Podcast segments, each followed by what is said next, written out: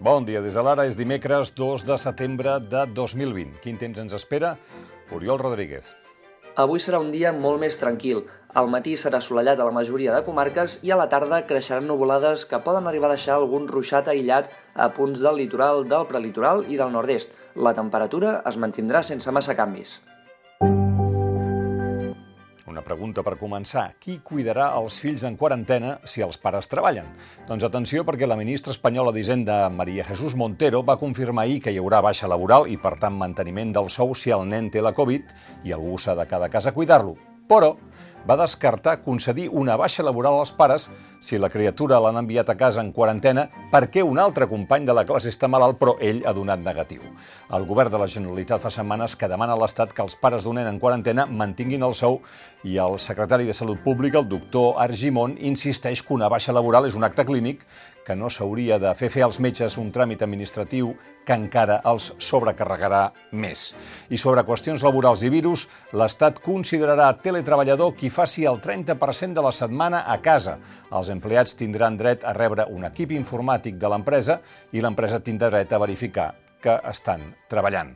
Per cert, Catalunya, turisme al juliol, i pandèmia. Els visitants van ser menys de mig milió, un 82% inferior a la de l'any passat.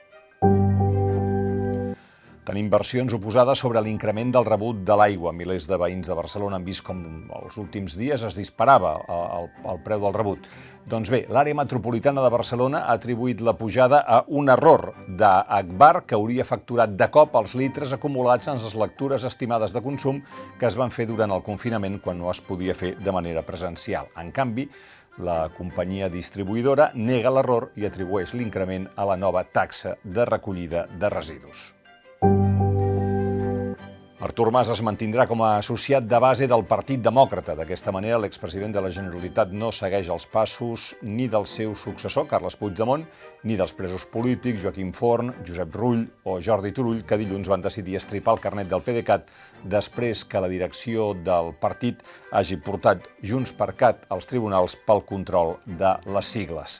En una reunió recent amb alcaldes del partit, Artur Mas sí que es va disposar es va mostrar disposat a donar suport en algun acte de campanya si el PDeCAT es presenta en solitari a les eleccions i qui es perfila per liderar-lo és la consellera d'Empresa Àngels Chacón. Mentrestant, la independència, una lluita compartida, va ser el títol de l'acte que Òmnium va organitzar ahir a la llibreria Ona de Barcelona, un debat entre el politòleg Jordi Muñoz i el vicepresident primer del Parlament, Josep Costa, moderat per la directora de l'Ara Estervera. Muñoz va dir de les pròximes eleccions que cap partit tindrà suports suficients per anar per lliure i que Junts per Cat i Esquerra hauran de tornar a seure i parlar. En trobareu la crònica de Toni Vall al diari. I el diputat del PSC, Carles Castillo, va demanar ahir a la, la seva baixa com a militant eh, socialista a causa, diu, de la deriva de la formació, tot i que mantindrà el seu escó al Parlament. Castillo no està d'acord amb el fet que el PSOE digui que té ànima republicana, però que doni suport a una, diu, monarquia corrupta, i va lamentar el complex del PSC davant el fet que càrrecs socialistes com ells mateix visitessin els presos a la presó. I, mentrestant, l'exministre Rodolfo Martín Villa, franquista primer i d'UCD després, ara té 85 anys, està citat a declarar davant una jutge argentina, citat a declarar telemàticament, pels crims comesos durant el franquisme i la transició, com ara la matança de 1976 a les escales de la catedral de Vitoria.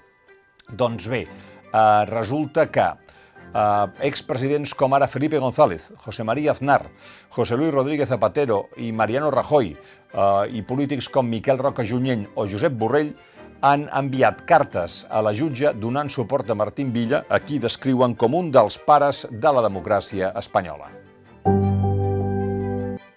Es tornarà a reunir algun dia a la taula de diàleg? Escolteu les dues portaveus, la consellera Budó i la ministra Montero.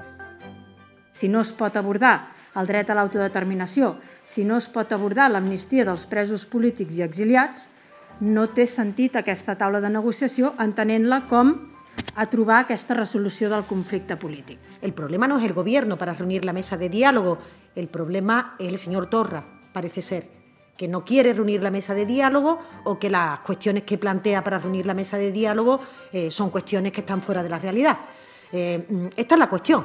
Mm, así que yo le diría a Esquerra Republicana de Cataluña que si quiere que se reúna la mesa de diálogo con el primero que tiene que hablar es con el señor Torra. Bueno, no sé si con el señor Torra, con el señor Puigdemont, con el señor Artur Mas. Eh, bueno, no, mm, tendrá que explorar el president dels Estats Units, Donald Trump, ha anat a Wisconsin aquesta nit i ha ignorat la família de Jacob Blake durant la visita a Kenosha. Al contrari, Trump ha fet costat la policia amb frases com ara hem d'entendre que de vegades els policies es bloquegen, el policia podia haver fet res diferent, no són protestes pacífiques, sinó que és terrorisme domèstic i, per aturar la violència, hem de combatre la ideologia radical de perillosos polítics d'extrema esquerra. Parlant de violència terrorista, aquesta sí, Charlie Hebdo ha tornat a publicar les polèmiques caricatures de Mahoma.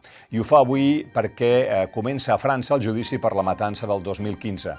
A l'assalt contra la seu del diari, eh, dos homes emmascarats i armats amb kalashnikovs van matar 12 persones, la majoria treballadors i col·laboradors de la revista. El judici finalitzarà al novembre. En total hi ha 14 acusats, 10 en detenció provisional, una en llibertat sota fiança i 3 més en ordre de, eh, de recerca i captura, pels quals es demanen penes que van des de la cadena perpètua fins als 10 i 20 anys de presó. En la plana esportiva, el pare de Leo Messi, Jorge Messi, ja és a Barcelona, on eh, s'ha de reunir a partir d'avui mateix amb el president del Barça, Josep Maria Bartomeu, que no vol vendre el capità blaugrana. En canvi, el que sí que ja ha marxat és Ivan Rakitic, que torna al Sevilla, d'on va ser fitxat el 2014. Fins aquí les claus del dia. Us convidem a continuar connectats amb l'Ara per seguir les notícies eh, d'aquesta jornada.